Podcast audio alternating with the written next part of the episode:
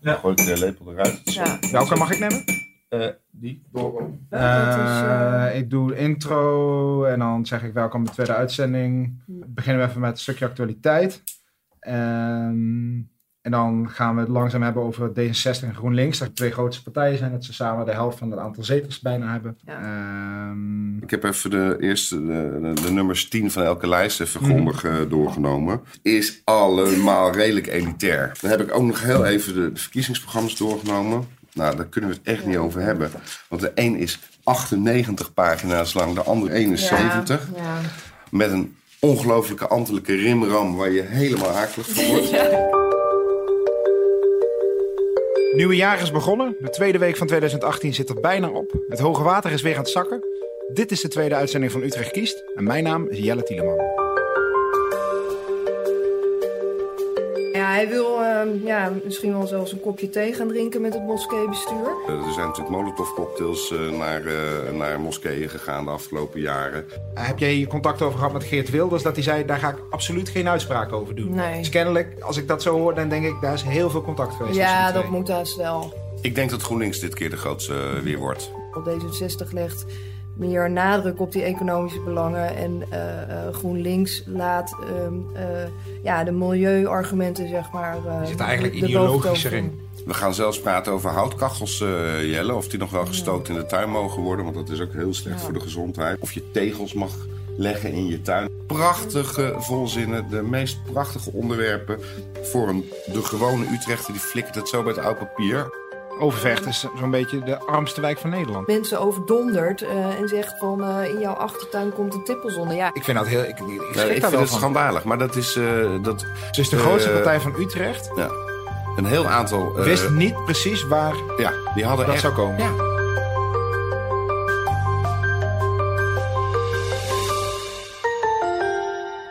Welkom bij de tweede uitzending van Utrecht Kiest, een politieke podcast van het AD Utrechts Nieuwsblad. En dat doen we met Diana Hoekstra, politiek verslaggever van het AD Utrechts Nieuwsblad, en Wouter de Heus. En hij is politiek columnist van het AD Utrechts Nieuwsblad. We hebben veel reacties gehad op de eerste uitzending. Eh, daar zijn we natuurlijk heel blij mee. En daar gaan we uiteraard mee aan de slag. Het was al heel goed, maar we gaan het natuurlijk nog veel beter maken. Eén ding wat we dus gaan doen en wat we beter gaan doen, is het meer hebben over de actualiteit. En dan ontkomen we er niet aan om het te gaan hebben over de uitspraken die de PVV-leider eh, Henk van Deun heeft gedaan. Laten we daar meteen even naar gaan luisteren, wat, wat die gezegd heeft. de Oelu-moskee ooit het symbool van Utrecht kunnen worden? Nee, nee, we hebben liever dat die afbrandt, van spreken. Eh, wij zijn uiteindelijk. Waarom? Wat? Dat wij vind ik zijn een hele echt- merkwaardige opmerking. Wij zijn, wij zijn echt tegen eh, moskeeën in dit land. Wij, wij herkennen de islam niet als een godsdienst. Het is een ideologie, net als het nazisme. En nazisme, dat willen we absoluut niet in Nederland. Mijn kamp verbieden we. En wij vinden dat we de Koran, wat dat betreft, ook mogen verbieden. Nou ja, de campagne voor de verkiezingen 21 maart eh, zijn echt begonnen, denk ik wel, met, eh, met deze uitspraken die Van Deun deed bij Bingo FM, stadszender, RTV Utrecht. Eh, Diana Van Deun heeft uiteindelijk eh, toch zijn excuses aangeboden, maar aanvankelijk wilde hij dat niet doen. Nee, nee, want eh, hij zei ja, het was bij wijze van spreken, dus waarom hebben mensen dat allemaal zo letterlijk genomen? Je moet dat als beeldspraak zien. Maar goed, hij kreeg het ontzettend veel over zich heen die uren daarna. Zowel op Twitter eh, als via de telefoon. Dat hij zich kennelijk toch wel genoodzaakt voelde om, eh, ja, om toch zijn excuses aan te gaan bieden. En, Het heeft even geduurd, want hij heeft eerst een- Ja. via Twitter een berichtje gestuurd. Die zei het was onhandig. Ja. Maar daar is hij later, heeft hij toch zijn excuses Ja, aangeboden. is dat meer een tot excuses gaan, eh, is dat meer gaan worden. Ehm, Want hij is ja, nu de- van plan eh, om ook naar de moskee toe te gaan, Ja. om met zijn gesprek Ja. te gaan. Ja, ja hij wil ehm, ja, misschien wel zelfs een kopje thee gaan drinken met het moskeebestuur. Dat is op zich ook wel opvallend, want dat is alles wat de PVV jarenlang de PvdA heeft verweten. Ehm, ja, dat gooit hij dus nu in eh 24 uur overboord. Eh, maar de vraag is ook wel een beetje van... is het nou echt een bewuste strategie geweest... dat hij dit zo heeft gezegd in de uitzending... met dat bewijzen van spreker achter? En, en, en daardoor is hij misschien niet strafbaar? Of, of, ja, of is het gewoon echt onervarenheid geweest? Wouter, jij schudt nee. Nou, ik, ik, ik, heb, hè, ik luister nu nog even naar dat, eh, naar dat fragment. En dan hoor je, wat mij betreft, duidelijk dat, het, eh, dat, hij niet, dat, het dat er geen bewuste strategie achter heeft, eh, heeft gezeten. Het is gewoon een ontzettende domme en onhandige uitspraak. Omdat eh, er zijn natuurlijk molotovcocktails uh, naar, naar moskeeën gegaan de afgelopen jaren. Dus ik denk dat die combinatie gewoon heel storend was. Ehm, maar dat het voor de rest geen bewuste kwade opzet is, is geweest. Dus het is natuurlijk al heel makkelijk van alle partijen. Die, die hebben nu meteen even de stok gevonden om de PVV terug in het hok te slaan.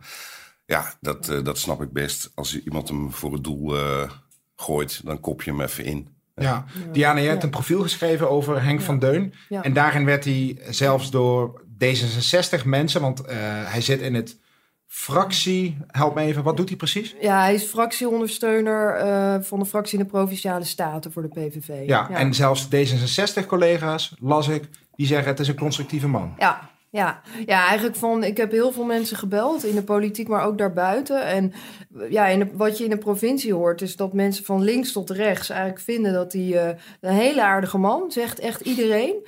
Um, maar ook vooral heel erg constructief. Uh, het is iemand waar je echt wel afspraken mee kan maken. Maar hoe en, plaats jij dan dat hij dan toch zo'n rare uitspraak doet? Ja, nou ja, wat Wouter zegt, denk ik, ja, het is gewoon dommigheid geweest. En ik denk ook, kijk, uh, uh, dat, ja, um, hij gebruikt het woord brand of afbranden. En dat was ook een beetje in reactie op het feit dat ze het even daarvoor over autobranden hadden. En ja, mijn gevoel zegt ook dat het echt onervarenheid is en dommigheid dat hij dan dat woord gebruikt. Maar wat, wat hij bedoelt is eigenlijk gewoon wij zijn tegen moskeeën en we willen dat ze dicht gaan.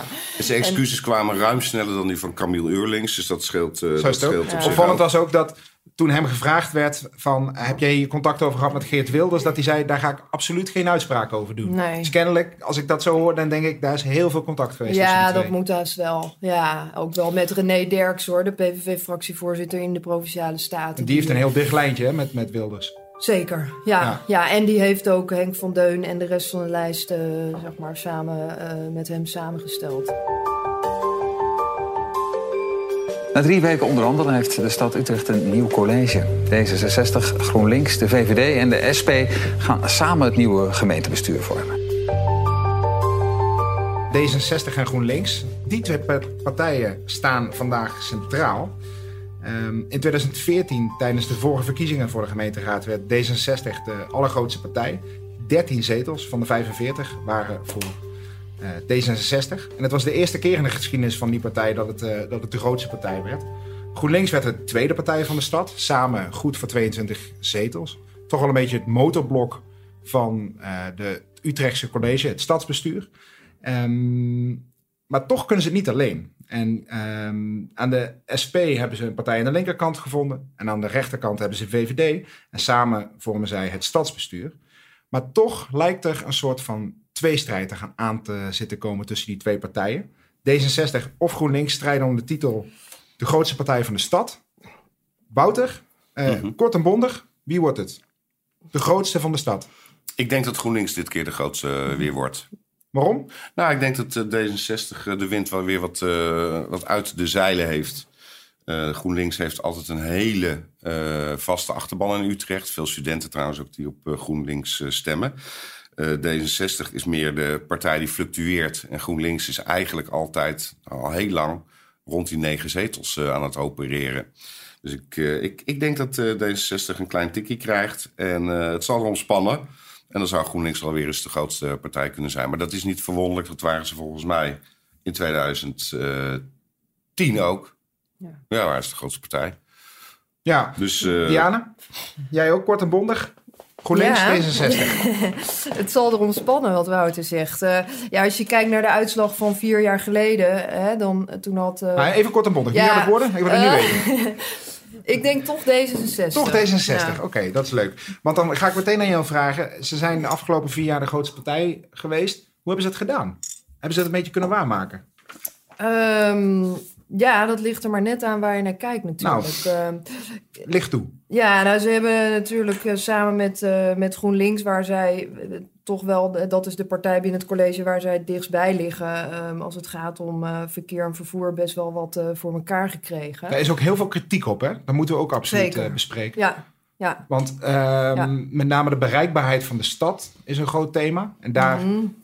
Is niet iedereen blij mee hoe dat door die twee partijen wordt aangepakt. Misschien kun je even uitleggen waar de kritiek ligt. Nee. Ja. En hoe ze het aanpakken. Ja, nou ja, ik- kan misschien beter eerst even vertellen wat de insteek was. Want het idee was van dit college om het autoverkeer terug te dringen. En in ieder geval veel meer ruimte te bieden voor eh, voetganger en fietsers.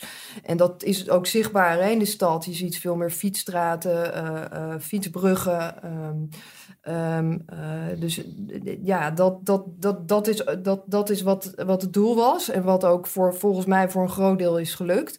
Eh, ja, anderzijds zie je natuurlijk veel mensen die, eh, ja, die, die de auto pakken en die merken dat je in de binnenstad toch wat sneller vastloopt nu. Ja. Is dat, is dat, zijn dit twee partijen die voor de autobestuurder wel heel moeilijk maken? En dan kijk ik ook naar, Wouter. Ik, ja, want ik ben een ontzettende autorijder. Dat weet gelukkig iedereen in de stad. Nou, ik kreeg eh, eh, gisteren een mailtje met cijfers daarover. En het, eh, het autoverkeer in de stad neemt helemaal niet af. Neemt eigenlijk alleen nog maar toe. Fietsen, dat blijft eigenlijk al 30 jaar vrij stabiel. Het gaat nu om het percentage van Utrecht. Dus niet het, in het echte aantallen. Want ja, dan neemt het aantal fietsers toe, omdat er gewoon meer inwoners zijn. Maar ongeveer 30% neemt eh, bijna altijd de fiets. Het, a- nogmaals, de autobewegingen nemen gewoon nog steeds eh, eh, fors toe. Dus ik denk dat een opzet nog helemaal niet geslaagd is. Eh, cijfers krijgen we er ook eh, nooit echt eh, van te zien. Dus het wordt wel eens tijd dat we de hele stad weer eens gaan meten om het goed in kaart te brengen. De, het openbaar vervoer, het aantal vervoersbewegingen, neemt enorm af. Dus daar wordt wel heel veel geld in geïnvesteerd. Maar daar eh, zie je helemaal geen effecten van. Eh, VVD, die zit natuurlijk ook in dit bestuur. Die begint natuurlijk de pijn wel wat te voelen over de stadsboulevards die allemaal geknepen worden. Hè, dus de binnenring in Utrecht. Iedereen weet wel waar ik het over heb. Die, Nou, eh, leg, dat nou, leg dat even uit, want ik denk niet dat iedereen dat weet. nou ja, weet je, in Utrecht moeten we eigenlijk, als we al met de auto gaan, moeten we de snelwegenring pakken en hem dan op een parkeer PNR plaats de auto zetten en dan met, met eh, openbaar vervoer of een huurfiets naar de stad komen. Dat is het, dat is het Dat is het ideaal idee. wat, wat, wat, eh, wat eh, de partijen eigenlijk willen. De binnenring, dat is eigenlijk de oude ring die door de woonwijken gewoon loopt. Ik noem even de Marnixlaan, de PHL-laan in eh Ogenal, Beneluxlaan, weet je wel. Die, nou, die, het Gooilaan in Hooghaven. Die moeten allemaal aangelegd worden als stadsboulevard. Dus één keer één rijstrook. Meer vergroening, eh, eh, geen grote stoplichtkruisingen meer, maar eh, rotondetjes. Nou, bij het Gooilaan is dat elke, elke dag een drama ongeveer. Ik begrijp hieruit dat jij bent daar niet blij mee. Nou, ik vind het heel ingewikkeld. Ik ben er niet blij mee, omdat ik eh, denk... eh, je moet niet zo eh, ingewikkeld doen met het autoverkeer. Dat zal er nog voorlopig nog wel even blijven. Aan de andere kant snap ik wel dat mensen daar ontzettend last van hebben. Al die auto's door hun straat, dus je moet ook wat. Maar ik vind het allemaal iets te... Het gaat niet alleen om drukte van het verkeer, maar ook om de Het gaat ook om de te luchtkwaliteit, het gaat ja. ook om de veiligheid. Dus, dus natuurlijk moet er wat gebeuren. En dat ziet ook, zien, zien alle partijen eigenlijk wel in. Maar volgens mij kan het een stuk, eh, stuk slimmer. Vind jij dat, dat GroenLinks en D66 hier goed mee omgaan? Dat ze voor elkaar krijgen wat ze willen? Diana? Ja, nou ja, kijk, eh, het is natuurlijk eh, Lot van Hooijdonk geweest van Groen, hè, GroenLinks-wethouder die, eh, die op dossier verkeer heeft gezeten, of zit, ehm, deze collegeperiode. Ehm, en ehm, eh, als je kijkt naar hoe GroenLinks erin zit en D66, verschilt dat wel een heel klein beetje. Maar ik denk dat als je kijkt naar wat GroenLinks wil, namelijk vooral eh, de luchtkwaliteit verbeteren in de stad. Ehm, en eh, eh, ja, dat, dat, dat, dat, ja, dat ze dat goed in gang hebben gezet. En dat willen ze ook na de verkiezingen ehm, met, met goede moed weer voortzetten. En ik denk dat D66 wil dat in principe ook, maar die heeft wel weer wat meer oog voor ook de economische belangen in de stad. Dat is dan ook eigenlijk meteen het grote verschil. D66 legt meer nadruk op die economische belangen. En eh, eh, GroenLinks laat ehm, eh, ja, de milieuargumenten, zeg maar. eh, Die zitten eigenlijk de- de ideologischer in.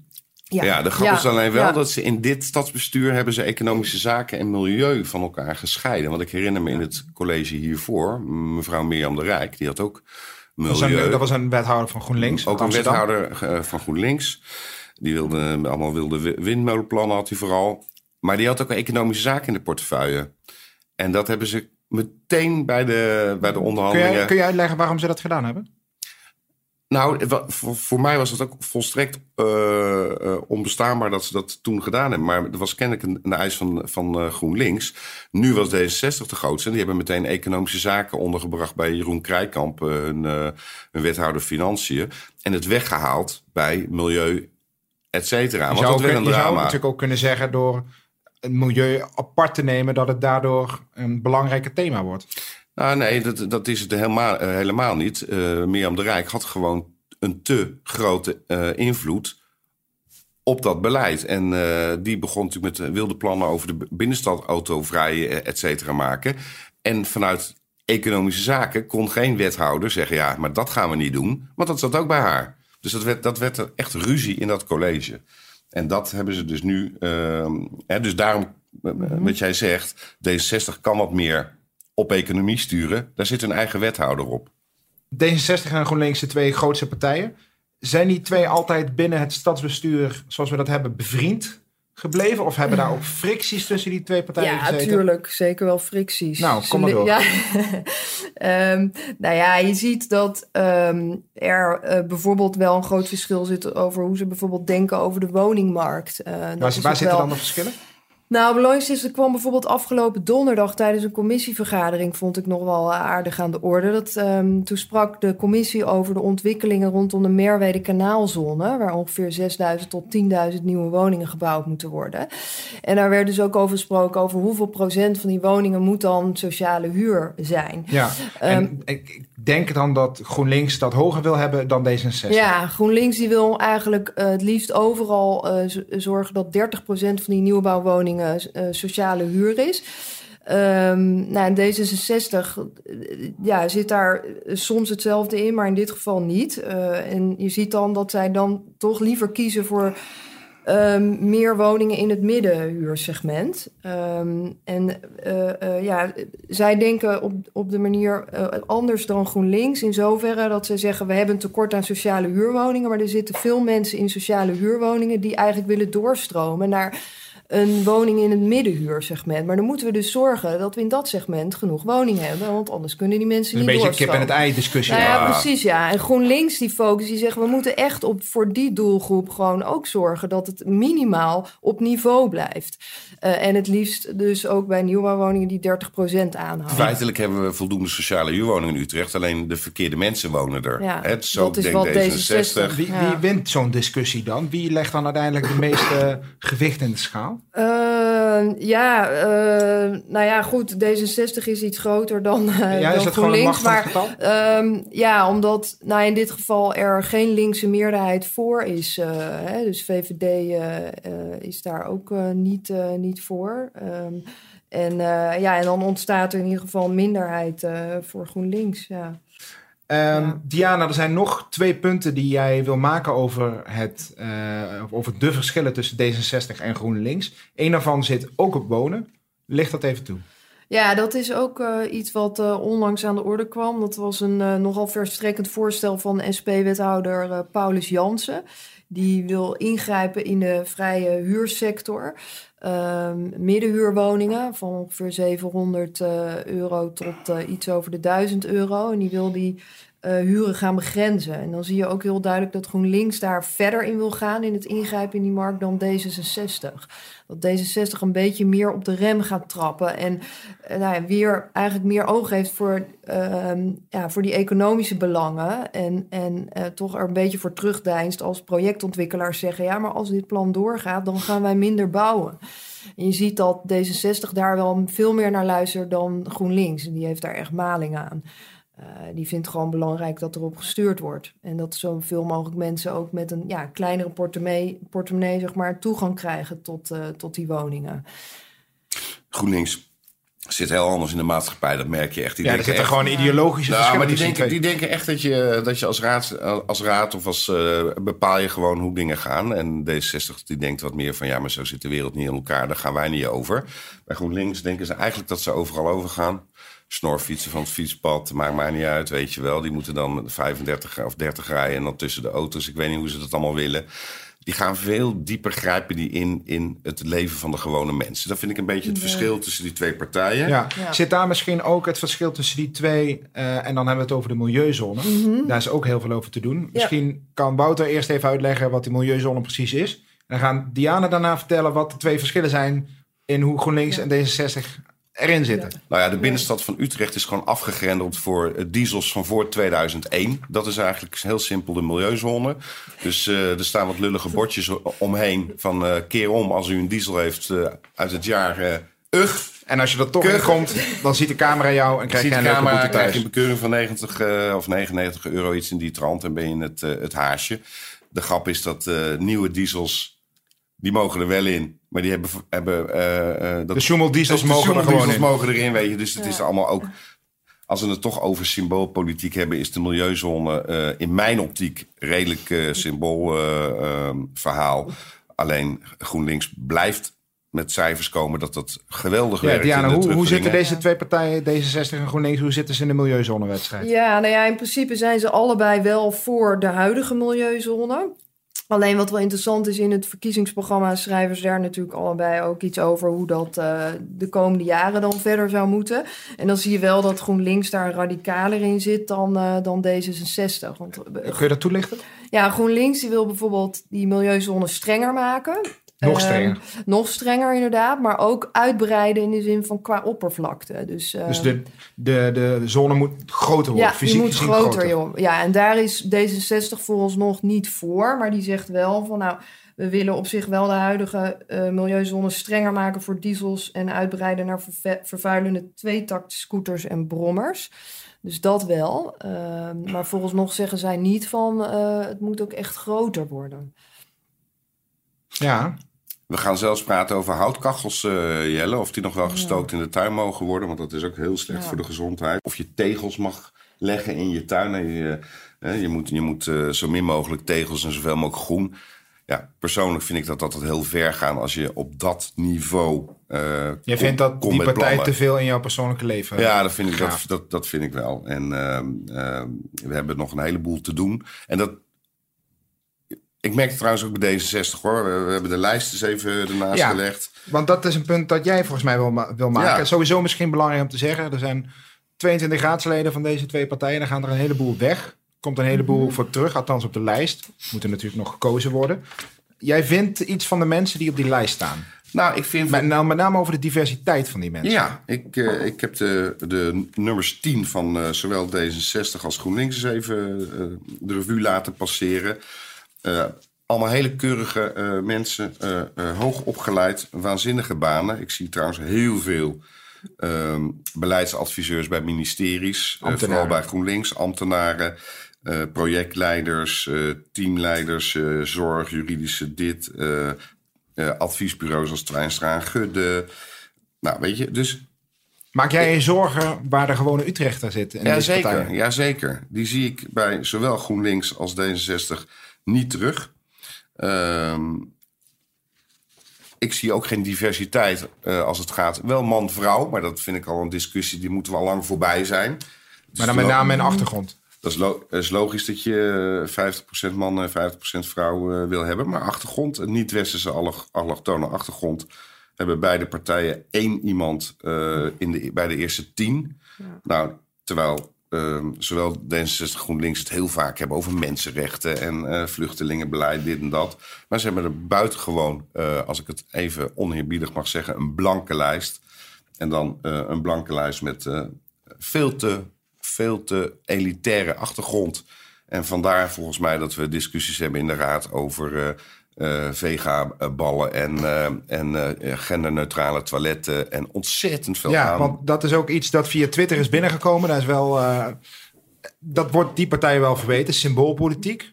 ja, voor de bühne, misschien voor een eigen achterban. Ja. Dat, dat gedoe, gedoe. Er is op het gemeentehuis nu een genderneutraal toilet. Ja. En daar is D66 heel erg blij mee. Is dat symboolpolitiek? ja, ontzettende symboolpolitiek. Buiten het feit dat het gewoon smerig is. Want nou hebben vrouwen helemaal geen wc meer waar ze die niet door mannen zijn ondergepist. Hè? Dus ik Maar je kan ook heel- zeggen, thuis, thuis is niet anders, toch? Nee, maar het is, dit, zijn geen, dit zijn geen problemen. En als ik er dan een discussie met iemand van D66 over heb... van jongen, houd toch eens op, dit is toch geen probleem. dan Ja. eh, kijken ze me echt met, eh, met, eh, met bloeddoorlopen ogen aan, alsof ik gek ben. Want er zijn echt eh, mensen die kennelijk niet van zichzelf weten of ze man of vrouw zijn. Die niet weten eh, in, in vertwijfeling eh, raken van wel, welke toilet moet ik binnenlopen. Nou, dat, dat noemen wij nou echt eerste wereldproblemen. ik vind het natuurlijk voor elk individu vervelend als hij zich zo voelt. Maar daar gaan we niet eh, uren in de raad over praten. Nee, ik ben het wel echt wel, wat dat betreft wel echt helemaal met jou eens, Wouter. Want wat je ziet, bijvoorbeeld, kijk, daar besteedt D66 dan bijvoorbeeld heel veel aandacht aan. Terwijl ik denk van ja, in Overvecht zijn bijvoorbeeld heel veel problemen. Eh, Veel mensen leven daar in armoede. Eh, vinden beide partijen ook, zeggen allebei, daar hebben we echt wel wat aan gedaan de afgelopen jaren, maar te weinig, want het aantal huishoudens in armoede stijgt. Overvecht Ehm, is zo'n beetje de armste wijk van Nederland. Ja, precies, ja. En er leven alle, allerlei problemen, ook criminaliteit, werkloosheid, noem maar op. Ja, ze hebben daar vorig jaar bij de voorjaarsnota eh, iets van 10 miljoen euro voor vrijgemaakt, het college. Ehm, Overvecht Ehm, vers- versneld of ja. zo? Of een ja, versnellingsplan? versnellingsagenda, versnelling, ja. versnellingsplan. Maar ja, dat was eigenlijk een reactie op het feit dat het college had besloten dat daar noodopvang moest komen. Dus ik denk, ja, dat is een beetje het doekje voor het bloeden. Ja, want daar kwam een soort nood-AZC. En toen de Ja, vluchtelingencrisis op gang kwam. Ja, Maar toen dat nood-AZC er eindelijk was, was de vluchtelingenstroom alweer ingedampt. Was het niet meer nodig, Ja, maar nee, daar, daar was nee, maar daardoor, daardoor kwamen wel ineens heel veel politici in overvecht. En die dachten van, ja, hè, en ook bewoners die natuurlijk hartstikke boos waren van waarom hier, want we hebben al zoveel problemen. En ja, toen kwam er ineens veel meer aandacht, kwam ook veel meer in de media natuurlijk. Dus ja, En dus kwam er zak daar iets En dus mee. een is het Ja. natuurlijk zo dat een van de wethouders van D66, Jeroen Krijkamp, is wijkwethouder Ja. van Overvecht. Ja. Vinden jullie dat hij daar genoeg aandacht aan heeft besteed aan die Nee. wijk? Ik Nou. D66 doet sowieso eh, qua wijkwethouderschap het heel slecht. Nee, Victor Everhard doet Leidse Rijn. Nou, de, eh, ik woon per ongeluk in Leidse Rijn, we zien hem hier nooit. Dus eh, die wijkwethouders, daar moeten we heel snel mee Maar stoppen. kun jij een wijkwethouder herinneren die het wel Ja, zeker. Ja, hoor. Walter Lenting eh, is het hier lang geweest. Die was er altijd. Harry Bos is het hier geweest. Die was er altijd. Ik heb overigens geen idee wie Harry Lenting is. Misschien kun je dat even Walter vertellen. Lenting, sorry. Dat is de wethouder van Leven Utrecht eh, eh, van 2001 tot 2006. Eh, die heeft, ehm, was ook eh, wijkwethouder van Leidse Rijn. Was er altijd. Harry Bos, P van de A-wethouder van Leidse Rijn. 2006, twee- totdat hij opeens wegging omdat hij het eh, geen zin meer had in 2011 of 12. Die was er ook altijd. En daar waren ze bij D66 zo chagrijnig over. Omdat hij alle pers op, oprolde. Dat toen hij wegging, wilden ze per se dat Victor Everhard eh, eh, wijk- wijkwet- wijkwethouder werd in Leidse Rijn. Omdat hij dan ook zichtbaar, meer zichtbaar zou zijn. En toen hebben we hem nooit meer gezien. Dus nee, dat, daar moeten we eh, mee, eh, mee stoppen. Maar nogmaals, we hadden het even over die lijst. Terug naar de lijsten. Ik vind het een Zeker. ontzettend elitaire lijst. Eh, ik vind ook dat het eh, eigenlijk eh, niet kan. Ik vind ook, ik heb even de verkiezingsprogramma's doorgenomen. D66 komt met een verkiezingsprogramma van bijna 100 pagina's. Dat is twee keer zo lang als het uh, regeerakkoord in Nederland. Nou, daar kan geen mens chocola van maken. Eh, GroenLinks met 71. Dus prachtige volzinnen, de meest prachtige onderwerpen voor een, de gewone Utrechter. Die flikkert het zo bij het oud papier. Of die brengt het naar de carnavalsvereniging in het zuiden. Want Ja. die hebben geen telefoonboeken Je hebt geen telefoonboek meer. Nee. Nee, inderdaad. Nee, maar weet je, ik zag zelfs een, een tweetje van D66 deze week. Maar wat zegt dat dat? is een bel. Ze hebben een, een, een, bel callcenter. Ja. Kappen. Maar. Wouter, wat zegt dat? Dat deze twee partijen met, met zulke enorme programma's komen? Je kan ook zeggen, eh, ze hebben de beste plannen voor de stad. Werken dat op een goede manier uit. En iedereen kan daarmee doen wat hij wil. Nou, dat is hartstikke mooi. Maar als ik even kijk nogmaals naar de, de achtergrond van de, me- van de mensen... en eh, de inhoud van zo'n verkiezingsprogramma... heb ik het er alleen maar over dat dat voor een redelijk deel... over de, de, de gewone massa van de Utrechter heen schiet. En kijk, verkiezingen zijn heel interessant, hè? Maar straks komt 60% gaat stemmen. Dus gek wordt het 65%. Ja, een deel stemt daarvan op D66. En dan verdelen we de hele raad alsof er 100% eh, mensen is opgekomen. Ik zou ook kunnen zeggen, als er maar 65% opkomt... delen we maar 65 van de... 65% van de raadzetels Ja, worden, be, worden er worden bemenst. een- Dan gaan lege ze-. Dan gaan ze wat harder lopen. Maar het is natuurlijk allemaal eh, eh, percent- percentages die we straks gaan verdelen. Dus ze kunnen altijd nog zeggen straks... ja, we hebben 12 zetels of 13 of 10. Eh, Utrecht is het met ons eens. Ja, zo werkt het natuurlijk niet, eh, Ja. niet helemaal. Diana, een ander heikel punt waar D66 ook een hoop kritiek heeft gekregen... is eh, de verplaatsing van de tippelzone. Mhm. Daar is een hoop om te doen geweest. Je hebt daar veel over geschreven. Leg even kort uit wat daar precies is gebeurd en waar de kritiek zat op D66. Eh, ja, nou ja, de- de- Utrecht heeft een tippelzone op dit moment aan de Europalaan. eh, maar dat moet daar weg, omdat er, eh, Utrecht wil daar woningen bouwen. Ja, de eerder Ehm, genoemde Merwedezone. Merwede-kanaalzone, precies. ja, precies, ja.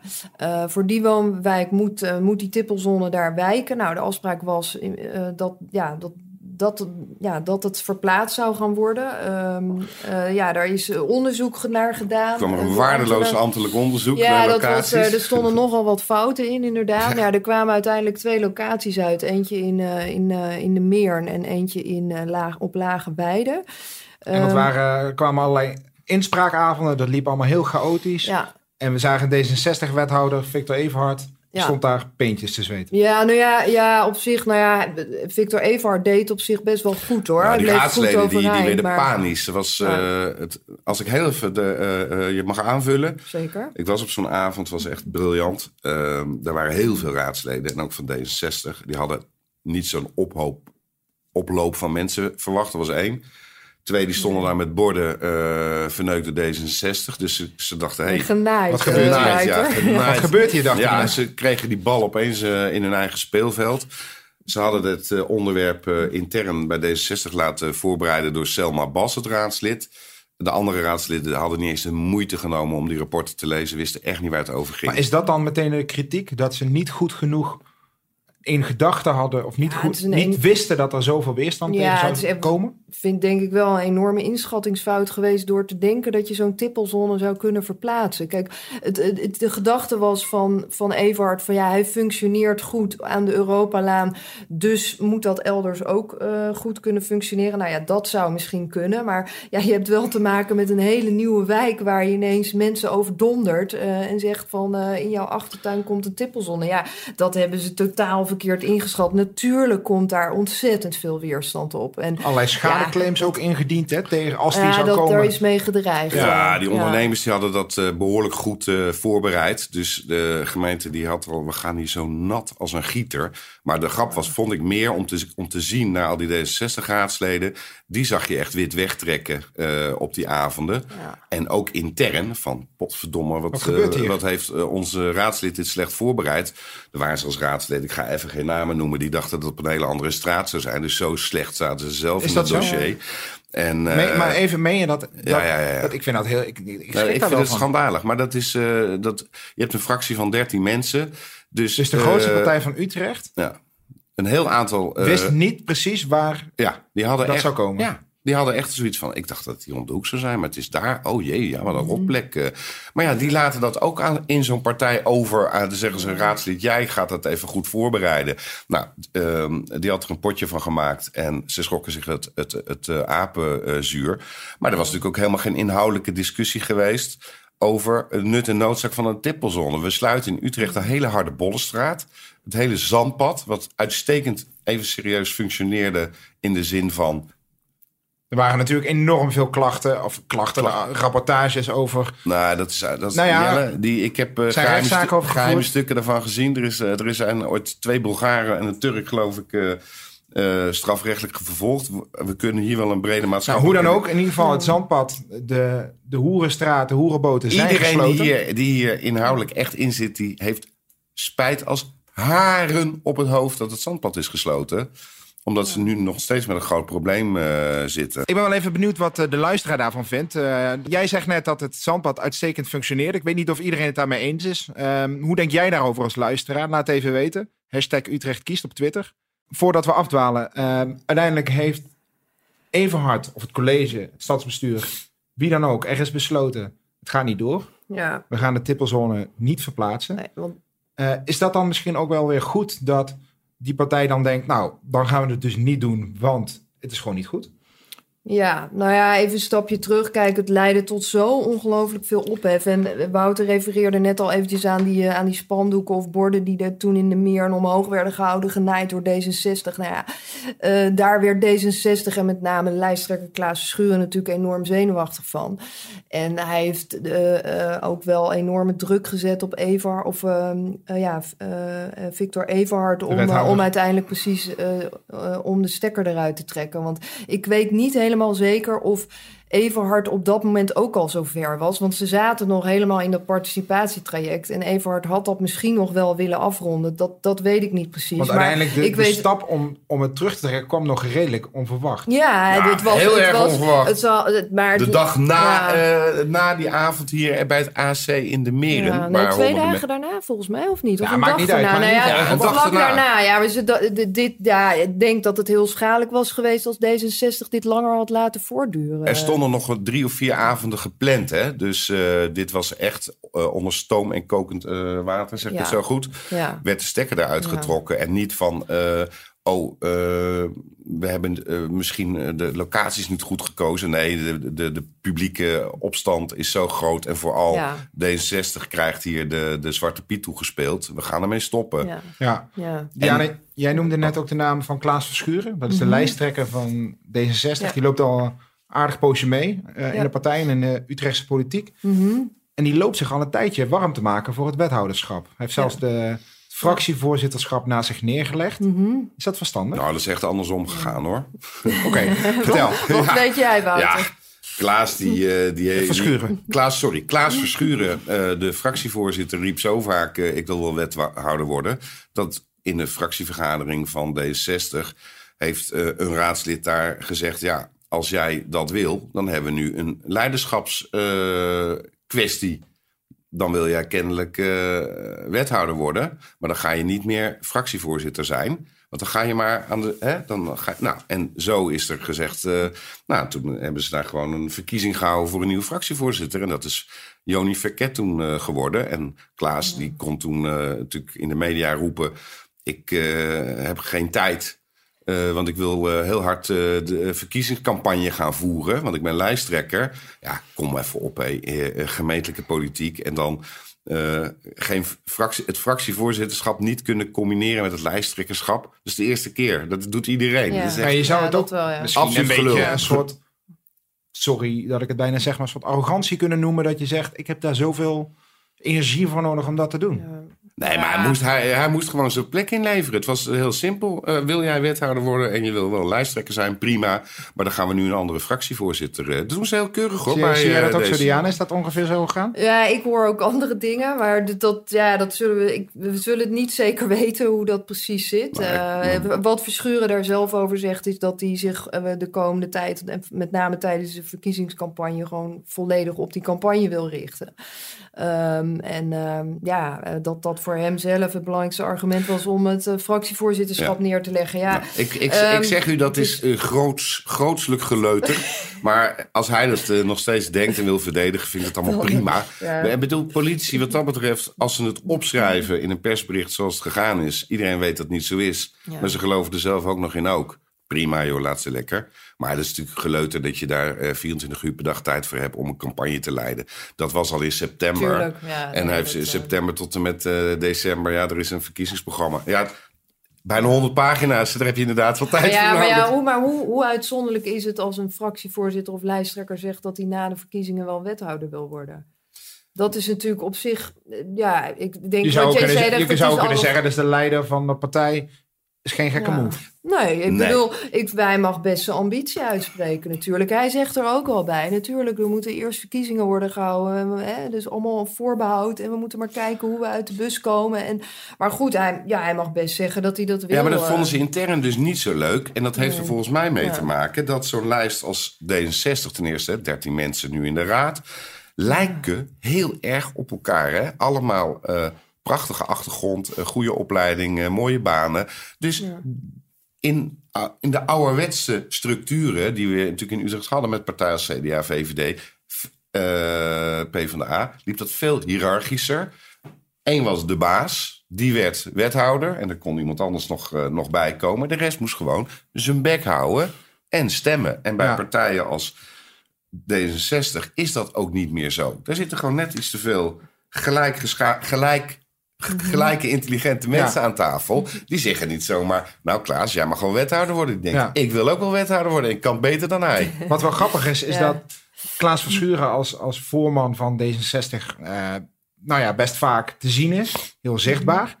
Eh, zijn collega bij GroenLinks, Helene de Boer... is dat helemaal niet zo. En die is ook... Die heeft volgens Nee. mij helemaal geen ambities om wethouder te worden. Nee. Waar, hoe, waar, waar zit dat Nee. verschil? Hoe komt dat? Ja, Klaas Schuren zoekt veel meer de media op. Eh, kan daar denk ik ook misschien wel net iets beter mee omgaan. Eh, heeft denk ik ook wel iets meer charisma dan Helene de Boer. Ehm Helene de Boer is eh, inhoudelijk wel heel sterk. Zeer en en Klaas. Schuren trouwens ook hoor. Maar Wouter, geef eens een kort, kort portret van Helene de Boer. Ja, ik, ik, ik vind Helene Boer echt een, een heel, heel eh, eh, goed raadslid. Zoals ik eigenlijk vind dat een raadslid moet zijn. Zij is inderdaad fractieleider, onomstreden toch wel binnen haar partij. Hè, Pepijn die eh, daagt er altijd... Pepijn, Pepijn Zwanenberg. Mhm. Berg, eh, eh, daagt haar altijd uit voor het lijsttrekkerschap... om zijn eigen plekje op de lijst weer veilig te stellen, denk ik dan. Ehm, zij is heel degelijk, eh, heel inhoudelijk... Ehm, Klaas is toch meer eh, een mannetje. Ja, dat klinkt Klaas misschien flauw. Klaas Verschuren. Ik zal Nee, heel goed. We moeten, we moeten meer Nou ja, helemaal gelijk. Maar dat, die wil natuurlijk... ehm, ik vind hem ook emotioneler vaak in het debat zitten. Hoe, hoe Ja, hij zeker, ja. de bitterballen discussie met Dimitri Gillissen... de fractievoorzitter en lijsttrekker van de VVD aanging. Dan gaat hij echt over de kook. Eh Helene de Boer heeft dat helemaal niet. nee, nee. Buitengewoon degelijk raadslid, zoals je de- vindt ik eigenlijk een raadslid zou moeten opereren in de ehm, zonder opsmuk. Ehm, Het is wel een heel groot verschil. En dan heb ik het ook even over de landelijke politiek met Jesse Klaver. Dat is natuurlijk iemand met een jong iemand die heel veel charisma heeft. Lekker ligt bij jonge mensen. En dat denk dat is misschien niet per se het profiel van Helene de Boer. nee, maar ja, kwaliteit heeft, eh, heeft ook zijn, eh, zijn waarde. En in Utrecht hebben we, als we de lijst ook bekijken, Ja. bij GroenLinks eigenlijk nooit zo'n eh, flitsende. Nee, de, de, de fractie is ook niet. Het zijn allemaal, allemaal niet zo heel erg van die zichtbare mensen hoor. Misschien Steven de Vries nog het meest. eh, Nou, maar die gaat dus niet maar- door, hè? En die gaat niet Dat door, is een vrij bekend maar- raadslid die veiligheid Ja, onder, ja. onder zijn Ja, precies, ja. hoede had. En daar Ja. ook veel media-aandacht altijd zeker. Ja. eh, kijk, ik bedoel dat zij wat minder zichtbaar zijn allemaal. Dat wil niet zeggen, want ik ben het wel helemaal met Wouter eens. Ik bedoel, Helene de Boer is echt een supergoed, eh, degelijk eh, raadslid. En dat geldt trouwens ook voor de nummer twee, Peter van Korler. ja, Die is ook super onzichtbaar, maar wel ontzettend goed. ja. En Zit, zit, zit heel goed in dossiers, leest alles, is altijd ontzettend goed voorbereid.